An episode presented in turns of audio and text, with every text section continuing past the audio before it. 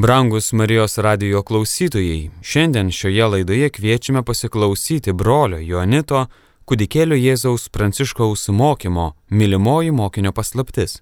Klausysimės pirmosios dalies. Norėčiau gal pradėti, kokį tikslą mums kelia evangelinė Jėzaus žinia ir kiek mes iš tikrųjų te pajėgus esame realizuoti. Aš sakyčiau, iš vis, jeigu ten dar vienas bokštas pavyko pastatyti, jau didelis dalykas. Daugeliu iš mūsų net ir, net ir be abiejų bokštų e, ta bazilika gali atrodyti. Tai aš norėčiau panaudoti tą patį įvaizdį, bet truputėlį iš kitos pusės ir būtent norėdamas paaiškinti tuos skirtingus būdus pažvelgti į tą pačią tikrovę. Vytautas Ališauskas kalbėjo apie Evangeliją, Jono Evangeliją patį Joną iš tokios, sakyčiau, kultūrologinės, istorinės pusės, šiek tiek egzegetinės pusės. Benas Ulevičius iš teologinės pusės matėm, kokie teologiniai turiniai yra sudėti į šitą Evangeliją. Aš norėčiau pakalbėti daugiau iš dvasinės pusės. Ir tai yra tas pat, kaip žiūrėti į baziliką iš įvairių pusių. Mes galime ją žiūrėti iš išorės. Iš išorės irgi iš fasado pusės, iš dešinio šono, kairio šono, iš viršaus galime pasižiūrėti. Jis bus visiškai kitokia. Kai pažiūrėsime iš vidaus, jinai bus dar kitokia. Jeigu nusileisime į tos bazilikos kriptą, jinai vėl bus visiškai kitokia.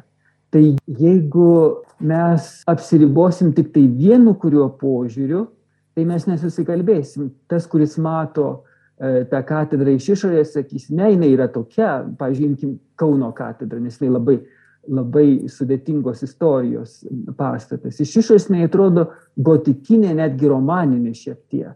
Bet tai nereiškia, kad, kad jie visi klysta. Jų tiesiog požiūris yra e, iš, iš tam tikros perspektyvos. Taip ir, sakykime, tas kultūrinis, istorinis, egzegetinis požiūris apie Evangeliją pasako vieną, teologinis požiūris pasako kitą, dvasinis požiūris dar kažką kitą. Ir mes e, tokią visumą galime, galime pamatyti tik tai tada, kai, kai mes žiūrime į, įtraukiame į savo požiūrį visą, visą ką, ką galima pamatyti iš, iš tų įvairių perspektyvų. Ir todėl kartais tai gali atrodyti kaip prieštaravimas, kad tie dalykai vienas kitam prieštarauja. Pavyzdžiui, Vytautas Ališauskas užsiminė, kad ne, nesakykit tik tai egzegetam, kad aš tai pasakiau jeigu gerai atsimenu, buvo klausimas apie autorystę šitos Evangelijos, kas iš tikrųjų buvo tas Jonas, ar tai buvo apaštalas Zebedėjaus sūnus, Jokūbo brolis, ar kažkoks kitas Jonas. Ir dauguma egzegetų iš tikrųjų šiais laikais taip galvoja, nes mums bus svarbiausia to Jono, kuris tikrai yra mylimasis Jėzaus mokinys, santykis su mokytoju. Tai yra svarbiausia tas klausimas, apaštas jis buvo ar ne apaštas, Zebedėjaus sūnus ar ne, Jis yra antrailis, jis yra svarbus, bet yra antrailis. Ir jeigu reikėtų, nu, va, jeigu spaustumėt mane vis dėlto atsakyti, ką aš galvoju, tai aš atsakyčiau tuo pačiu posakiu, kurį atrodo Vytautas Ilišauskas irgi minėjo, lex orandi, lex credendi. Mes tikime taip, kaip melžiamės. O jeigu pažiūrėsime į maldos tradiciją, liturgiją, mišiolę, Romos mišiolę, šventasis Jonas, švenčiamas gruodžio 27 dieną yra aiškiai įvardyjamas kaip apaštalas, kaip vienas iš dvylikos, kitaip sakant, Zebedėjaus sūnus.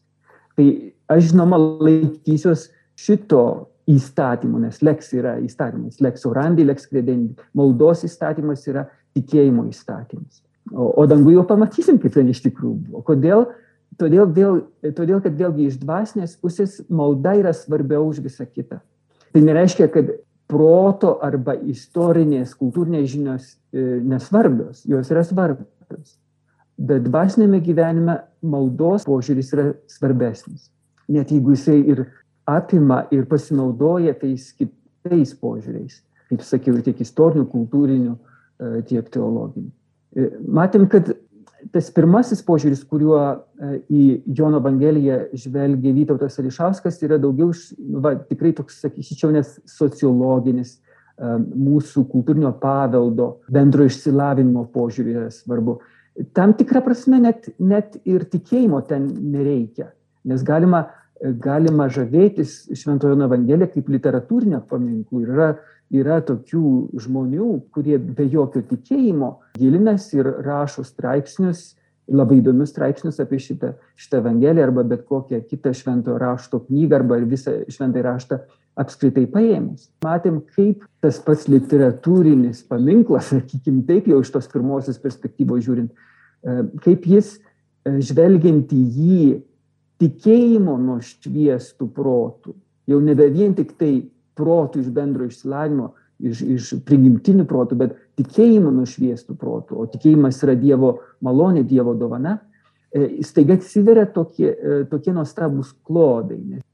Kad matom tą patį raštą, tą, tą pačią struktūrą atsiveriančią tikrovę. Ir mums tada yra tokia pagunda galvoti, nu tai kad čia akivaizdu, čia yra vos ne kaip įrodymas, kad tikrai Dievas sukūrė visatą ir mus pačius. Bet neužmirškim, kad tai yra požiūris iš tikėjimo perspektyvos. Yra daug mokslininkų, kurie neturi tikėjimo ir be jokio tikėjimo pripažįsta tą logos esantį visatoje ir mumyse, tačiau jie, jeigu taip jau net aštriai pasakius, jie sako, mums tos hipotezės nereikia, kad čia iš Dievo visa tai yra. Nu taip, yra logika, yra yra harmonija, bet tai nereiškia, kad, kad tai turi būtinai kilti iš, iš Dievo. Nes jeigu mes įrodytume Dievą esant, nebereikėtų tikėjimo, tai būtų akivaizdybė. Ir nepriimti akivaizdybės tai būtų paprasčiausiai neprotinga. Tai būtų, nu, kaip protinė negalė, sakykime taip. Protinė lyga - nepriimti akivaizdybės. Kai matai žmogų prieš save, o sakai, kad čia, kad čia ne žmogus, o karvė, pavyzdžiui jau yra kažkas, kažkas negerai su žmogaus protu. Tuo tarpu tikėjimas yra tai, ko negali įrodyti. Tai, ko tu tiki. Dievo buvimo įrodyti neįmanoma. Kaip beje neįmanoma įrodyti ir jo nebuvimo. Ir čia būtent e, labai reikia to sažiningumo iš abiejų pusių, kai diskutuojame su netikinčiaisiais. Taip mes tikime Dievą, kurio neįmanoma įrodyti, bet pripažinkite, kad jūs netikite Dievo, ko taip pat nėra įmanoma įrodyti jeigu ką nors galima įrodyti, e, tikėjimui vietos nebelieka. Tada lieka tik akivaizdybė arba kad Dievas yra, kad jo nėra. Tai čia buvo tas požiūris iš proto apšviesto tikėjimo perspektyvos. Tikėjimas, kuris, kaip sakiau, pirmiausia yra Dievo dovana. Ir žinoma, kad kai, kai turime tą Dievo dovaną tikėjimą, tada visą, ką mes matome tikrovėje arba šventame rašte, tikrovėje tiek visatoje, tiek save, savyje pačiuose, tiek tuose E, mikrovisatoje, makrovisatoje. E, tai žinoma, kad tie dalykai, kuriuos mes išvelgiame tikėjimo nušviestų protų, jie stiprina mūsų tikėjimą. Jie yra kaip, kaip ramstis, kaip patvirtinimas, kaip, kad, kad mūsų tikėjimas yra protingas, kad tai nėra absurdiškas tikėjimas dangiškais migdolais. Ne, kad, tai, kad, tai, kad tikrai yra pagrindas tam tikėjimui. Bet įrodyti, dar kartą kartuoju, neįmanoma. Mano požiūris, jau bus daugiau iš dvasinės pusės, kur žinoma, įtrauksime ir prigimtinį protą, ir tikėjimo malonės nušviestą proto perspektyvą, bet svarbiausiai iš dvasinės pusės yra, yra širdies perspektyva. Širdis, kurios esmė yra jau nebe proto šviesa, bet meilė šviesa. Būtent žvelgsime į, į šitą Evangeliją, į Jėzaus slėpinį iš meilės perspektyvos, iš širdies perspektyvos. Ir mes žinom, kad gerai atsimenu, yra sakęs, kad širdis turi savo priežasčių, kurių neturi proto. E, le cœur a ses raisons, prancūziškai. Širdis turi savo, savo raciją. Arba kaip dėl Santexupery yra sakęs mažajame prince, kad geriausiai matai ne su akimis, bet būtent su širdimi. Ir žinoma, kad um, požiūriai, kuriais mes žvelgiame į Evangeliją kartu su Vytautu Olišausku ir Benulevičiumi, yra vis, vis toks platesnis, gilesnis, didingesnis horizontas, bet galiausiai prieinam prie dvasinio žvilgsnio, kuris, nu, va, reikia pripažinti nuolankiai, yra, yra pats giliausias. Ir būtent čia mes galime išvelgti tai, ko, ko žvelgiant iš tų kitų perspektyvų prieš tai buvusių mes tiesiog negalime pamatyti. Šio vakaro paskaitos tema yra mylimo mokinio paslaptis. Būtent paslaptis, o neslėpinys, nes lietuvių kalboje jau keli dešimtmečiai e, ta perskiria tarp paslaptis ir slėpinys egzistuoja ir labai džiaugiuosi, nes iki to laiko, iki Lietuvos išsilaisvimo buvo tiesiog vartojamas vienas žodis paslaptis. O paslaptis, latiniškai sekretum ir slėpinys, misterium tikrai nėra tas pat. Misterium slėpinys yra dalykas, kurio neįmanoma suprasti iki galo. Tai nereiškia, kad jo neįmanoma suprasti. Įmanoma suprasti, bet neįmanoma suprasti iki galo. Todėl Dievas yra slėpinys, jo niekada nesuprasi iki galo, nors gali suprasti vis labiau. Blogis yra slėpinys, niekada iki galo nesuprasi, kodėl yra blogis. Nors žinoma, kažkiek gali suprasti, bet niekada iki galo. Kristus, Dievas ir žmogus viename asmenyje su dviem prigimtim, tai yra slėpinys. Eucharistija yra slėpinys, duona ir vynas tampantis Kristaus kūnu, tai yra slėpinys, tai neįmanomas kažkas, ko neįmanoma suprasti iki galo, bet, bet ką galima suprasti. Ir todėl galime netgi kalbėti apie mylimojo mokinio slėpinį. Tai yra tikrovė, kurią kažkiek galės suprasti, tačiau ne iki galo. Bet mūsų šio vakaro tema nėra mylimojo mokinio slėpinys, bet paslaptis. Ir kas yra paslaptis?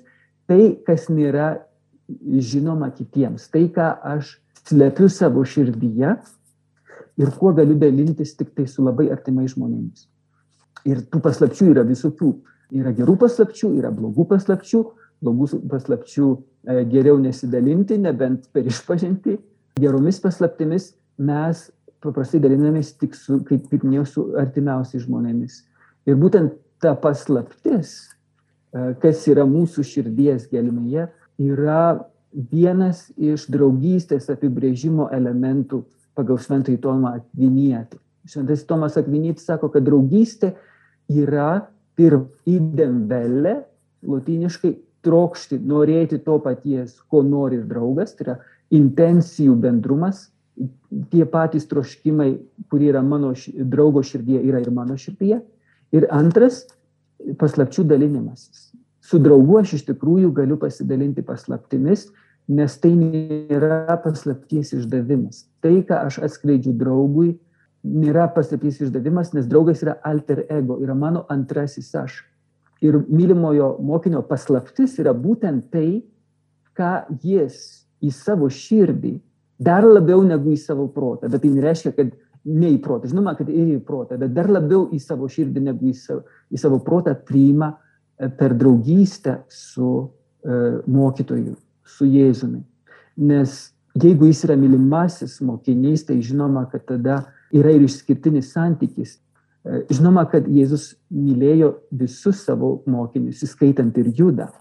Labai gražu e, matyti, kaip pat paskutinės akimirkos Jėzus tengiasi sužadinti tą, atgaivinti, netgi gal sakyčiau, meilę Judo širdyje, nes, nes Judas irgi, jeigu, įskarijotas, aš turiu meninę Judą tą, jeigu jisai ryžosi atsiliepti Jėzaus kvietimą, jeigu jisai sekė paskui Jėzų, tai žinoma, kad jis mylėjo Jėzų taip pat nuo pat pradžių, bet, bet kaip dažnai atsitinka santokoje, pavyzdžiui, arba pašvestajam gyvenime, kunigystės, tarnystėje, ta pirmoji meilė kažkur išgaruoja ir tada žmonės ne tik, kad nemyli vienas kitų, bet ima vienas kito nekesti, nekesti savo tarnystės, kunigiškos tarnystės ir savo pasišventimo ir, ir tada išeina trenkdami durimis ir, ir net kitą kartą prarasdami tikėjimą, jeigu kalbėsime apie pašvestą į gyvenimą arba kunigystę, arba nebenorėdami nieko girdėti apie žmogų, su kuriuo kūrė savo gyvenimą kartu santokui.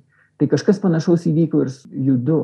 Ir ma, labai gražu, kaip sakiau, matyti, kaip Jėzus iki paskutinės akimirkos mėgina, mėgina pažadinti tą mirusią, žuvusią, galbūt nužudytą pirmąją meilę savo mokytojų. Aš turiu omeny paskutinę vakarienę, nes plačiau kalbėsim apie tai ateinantį kartą, bet kad jau pradėjau tą, tai pabaigsiu, tai būtent kai, kai po Euharistijos, pirmosios Euharistijos, kai Jėzus laužo duoną ir, ir dalyja savo mokiniams, sakydamas, tai yra mano kūnas ir, ir taurę vyno, sakydamas, tai yra mano kraujas, jisai sako, kad prieina prie judo ir, ir atskleidžia tą, tą vėlgi paslapti ir slėpinį kartu, kad vienas iš jūsų išduos mane.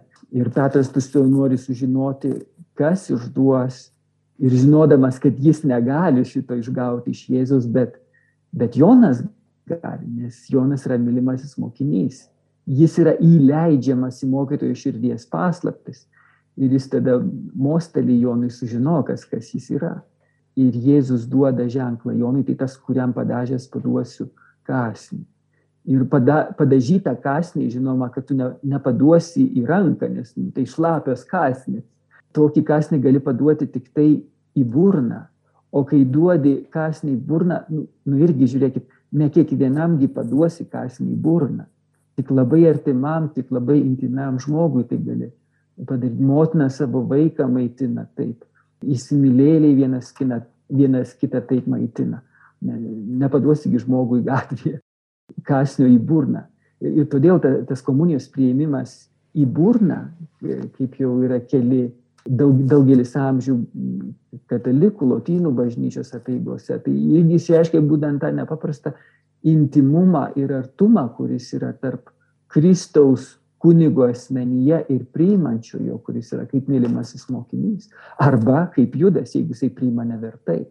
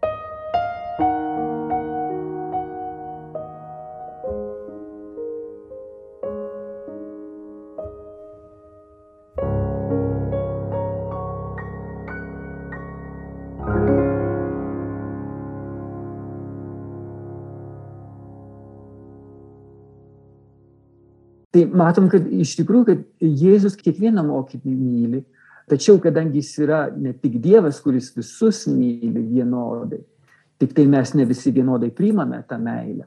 Mes meilę priimame tiek, kiek atsiveriame jai. Sakykime, jeigu toks palyginimas, jeigu žmogus susidangstęs visas langinės ir užsidaręs visas duris ir sako, kad tamsu ir nėra jokios saulės, tai nereiškia, kad saulės nėra tiesiog užsidaręs yra ir sėdi savo kurmio urve. E, bet tas, kuris atveria visas langines ir duris arba net pats išeina į, į, į lauką, tai tada tu žinoma maldaisi toje saulės šviesoje, tu priimi to šviesos tiek, kiek tau iš vis yra įmanoma jos priimti. Tai su Dievo meilė yra taip, jinai kaip saulė, kuris siunčia savo šviesą visiems kūriniams, bet tie, kiek tie kūriniai priima tą šviesą, priklauso nuo pačių kūrinių.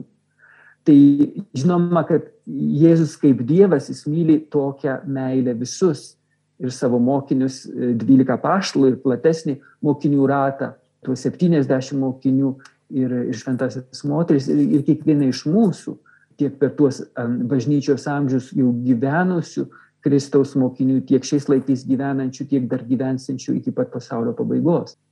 Tai čia žiūrint iš tos Jėzus kaip Dievo meilės perspektyvos, bet Jėzus taip pat yra tikras žmogus. Ir kaip žmogus, jis savo žmogišką širdimi, žinoma, kad labiau mylėjo vienus žmonės negu kitus. Sakykime, jis labai mylėjo ir, ir fariziejus, ir aštų aiškintojus. Ir būtent iš, iš meilės jiems jis taip, taip aštriai jiems juos barė. Barės jums rašo paaiškinti ir fariziejus, kaip pabaltinti heiteris, kaip dabar jau tas svetimžodis yra įprastas vartoti lietuvių kalboje. Ne, jis tai sako iš meilės. Žinot, kai žmogus miršta, jam reikia, reikia tokio sukretimo ir, dažnai, kai stoja širdis, yra patos elektrinis smūgis, tai pažadinti vėl širdį ir atgaivinti, sugražinti žmogų į gyvenimą. Tai taip yra su ta dvasinė mirtimi, kurią Jėzus mato ir jis, jis nu, va taip va, nori supurtyti tuos, tuos mirštančius dvasiškai fariziejus ir, ir, rašto aiškinti, nes jis juos myli. Žinoma, kad jis nori, kad jie grįžtų, grįžtų į, į tą tikrąjį gyvenimą, Dievo gyvenimą. Bet tai yra vienokia meilė. Kitokia meilė yra tiem vargšam e, ligoniam, kad ir aklas gimusysis iš Jono Evangelijos, ar, ar ta pati Samarietė prie prie Šulino Dar kitokia meilė yra e, jo mokiniams. Skirtinga meilė yra Petrui, kitokia Judui, dar kitokia Jonui. Dėl kitokia meilė yra Marijai, jo motinai. Ir tai yra normalu, nes Jėzus yra tikras žmogus. E, kaip ir mes, mes irgi galime dievišką meilę, kurią kaip malonę, kaip dovaną gauname iš Dievo, mes galime mylėti e, visus žmonės. Ir tarp kitko, tikriausiai pastebėt, kad yra daug lengviau mylėti tuos, kurie labai toli nuo mūsų, kokius nors vadaujančius afrikiečius ar, ar kenčiančius nuo komunizmo persikūrimo kiniečius, bet mylėti tokią meilę savo artimą, su kuriuo gyveni, savo šeimoje, savo bendruomeniai, darbovietė yra visai, visai kitas iššūkis. Bet mes galime mylėti tokią dievišką meilę, tačiau žmogišką meilę vėl mes labai skirtingai mylime įvairius žmonės. Vienaip mes mylime savo tėvus, vienaip tėvą, kitaip motiną, kitaip mylime savo, savo vaikus ir kiekvieną iš vaikų skirtingai mylime. Žinoma, kad visus mylime, bet, bet meilės kiekvienam vaikui yra skirtinga. Žinoma, nepulsim matuoti, kurį labiau, kurį mažiau, bet, bet pati meilė yra skirtinga, kitokia kiekvienam vaikui. Dar kitaip mylim savo sutuoktinį, dar kitaip mylim savo, savo draugą ar draugę. Tie draugai irgi vėlgi skirtingai yra mylimi pagal jų skirtingus interesus ir sugebėjimus ir ypač sugebėjimą priimti va, būtent tą mūsų širdies paslapti ir jų sugebėjimą trokšti to paties įdamvelę. Ir todėl šventasis Tomas Akvinėtis, jis iškelia tokį klausimą, kodėl Jonas buvo mylimasis Jėzaus mokinys. Ir jis duoda atsakymą pagal tris bruožus. Pirmiausiai, dėl to kad Jonas buvo aštraus skvarbaus proto. Ir, ir mes būtent pabandysim pasižiūrėti, kaip labai skiriasi Jono Evangelija nuo kitų, būtent todėl, kad jo, jo yra toks išbalgus protas. Ir jeigu jo protas yra toks išbalgus, tai būtent todėl, kad jo meilė yra karšta. Jeigu jūs pažvelgsite savo pačių patirtį, kai, kai kalba koks nors žmogus, nu, vilė koks, ar ne, kaip sako Lietuvoje, jūs dažniausiai pro vieną ausį leisit, tai kai sakot, pro kitą išleisit. Nebent jis kalba, ką nors labai svarbaus jums ir tada jūsų, jūsų reakcija gali būti labai įstringa ar labai um, audringa. Griežtai ne arba griežtai taip. Aistrų ir, ir na, va, tokio proto lygmenį.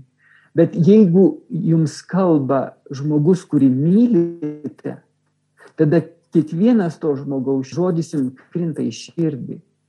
Ir jis nu, suskamba ten visai kitaip, negu tą patį žodį būtų pasakęs koks, nu, visai bilen koks žmogus, ar ne. Ir tas žodis, mylimo žmogaus pasakytas žodis, jis ne tik, kad suskamba visai kitaip toj mano širdį, bet jis ten lieka. Jis ten lieka ir ten skamba ir yra saugojamas. Ir kaip koks na, palikimas, kaip koks lobis, turtas. Ir, ir tada prie jo nuolat grįžti prie tų žodžių. Jisai, jisai nušvinta naujom spalvom, atveria naujas prasmes, kurių anksčiau gal ne, ne, nebuvai pastebėjęs. Čia labai panašiai kaip su, su meilės laišku, kuriuos šiais laikais gal jau žmonės rašo meilės SMS arba meilės e-mailus, bet Bet tais laikais, kai dar rašydavo tokius meilės laiškus, tai kai gauni laišką, tu ką darai, tu perskaitai, praryji tiesiog pirmą kartą ir paskui skaitai dar kartą ir dar kartą ir dar kartą. Ir kas kartą tu vis išvelgi prasmių ir turinį tarp eilučių, kur nu, nemylintis žmogus vis, visiškai nieko nepastebėtų. Va taip yra su tuo Jono proto aštrumu. Jeigu jis yra toks aštrus, tai todėl, kad jis yra mylintis. Mylintis protas yra daug giliau žvelgiantis, įžvelgiantis negu, negu protas, tiesiog protas be meilės. Tai čia pirmasis bruožas, dėl ko Joną Jėzus mylėjo anot Tomo Kviniečio. Antrasis, dėl jo širdies tyrumo, kad Jono buvo ypatingai tyra širdis. Ir iš tradicijų žinome, kad Jonas buvo jauniausias ir e, apaštlas, kuris buvo nevedęs. Jisai, galima tai pasakyti, kaip vos ne, kaip pirmasis vienuolis. Nors pati pirmoji vienuolė, mes dar prie to grįšime, e, buvo, buvo Marija. Pirmasis žmogus pasiaukojęs Dievui kristiškų būdų. Tai šitas širdies tyrumas ir tarp kitko yra tokia įdomi viduramžių tradicija, kuri nėra tradicija iš didžiosios raidės tradicija iš didžiosios raidės yra apreiškimo dalis, apreiškimo kraitis, bet yra daug mažųjų tradicijų, kurių istoriškumas abejotinas, bet ir, ir labai yra įdomu ir į jas pasižiūrėti už tai, kad jos nusako, kaip žmonės žvelgia į, į, į tą konkretų žmogų ar įvykį ar situaciją praėjusiais laikais. Tai yra tokia viena iš mažųjų tradicijų, viduramžių tradicijų, kad kanos vestuvių jaunikis buvo šventasis Jonas. Kad pamatęs tą pirmąjį Jėzaus ženklą padarytą Jėzaus per kanos vestuvės, jis paliko visą, įskaitant ir savo nuotaką ir, ir, ir, ir išėjo kartu, kartu su Jėzumi ir kitais jo mokiniais po, po tų vestuvių. Nu čia tokia gal širpiai skambanti istorija mūsų laikų supratimu, taip kaip mes suprantame santoką, bet viduramžiais tai buvo visiškai, sakyčiau, suprantamas dalykas, nes viduramžiais buvo labai nemažai atvejų, kai, sakykime, vyras ir žmona sutardavo gyventi skaičiai kaip, kaip brolius ir sesuo, įskaitant net tokius žmonės kaip imperatoriai ir karaliai. Tai žvelgiant į, į šitą antrąjį bruožą, kodėl Jėzus mylėjo Joną ypatingą meilę, tai būtent jo širdies tyrumas. Ir širdies tyrumas nėra pirmiausiai um, siauraja prasme, ta prasme, kai mes sakom, kad netyra žvilgsnis, tai tai gedulingas, gašlus žvilgsnis, bet platesnė prasme. Širdis gali būti sutepta ir, ir tokio vagodaus žvilgsnio, ne tik į, į kitą žmogų, jo kūną, bet taip pat į, na, kai mūsų širdis yra sutepta turto troškimu, garbės troškimu arba ypač dažnai, na, kaip svetimavimas netgi įvardyma šventajame rašte, stabmeldystė, kai ieškai atramos ir pasitikėjimo ne vienatinėme Izraelio dieve, bet, bet nu, va, tuose kituose dievuose, kurie, kaip Paulius sako, mes žinom, yra ne kas kito demonų. Va tokia yra netyra širdis.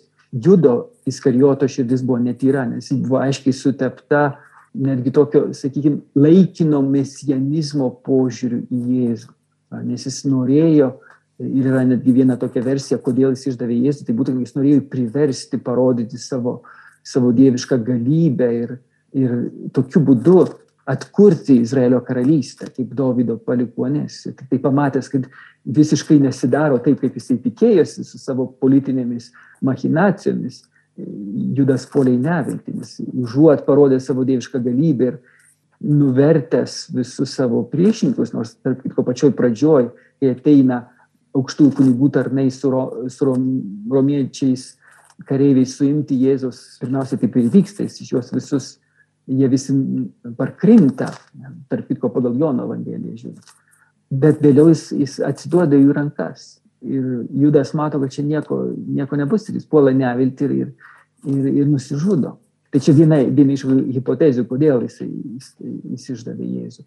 Tai matom, kad čia tikrai uh, Judo širdis buvo sutepta, o nesutepta tyra širdis, kaip Jono širdis, tai yra tas visiškas tobulas pasitikėjimas Jėzum. Ir mes ypatingai matysim šitą jo širdies aspektą ateinantį kartą, kai žiūrėsim į, į kančios istoriją, ypač paskutinės vakarienės metu. Mėly Marijos radio klausytojai, šiandien klausėmės brolio Jonito kūdikėlio Jėzaus Pranciškaus mokymo.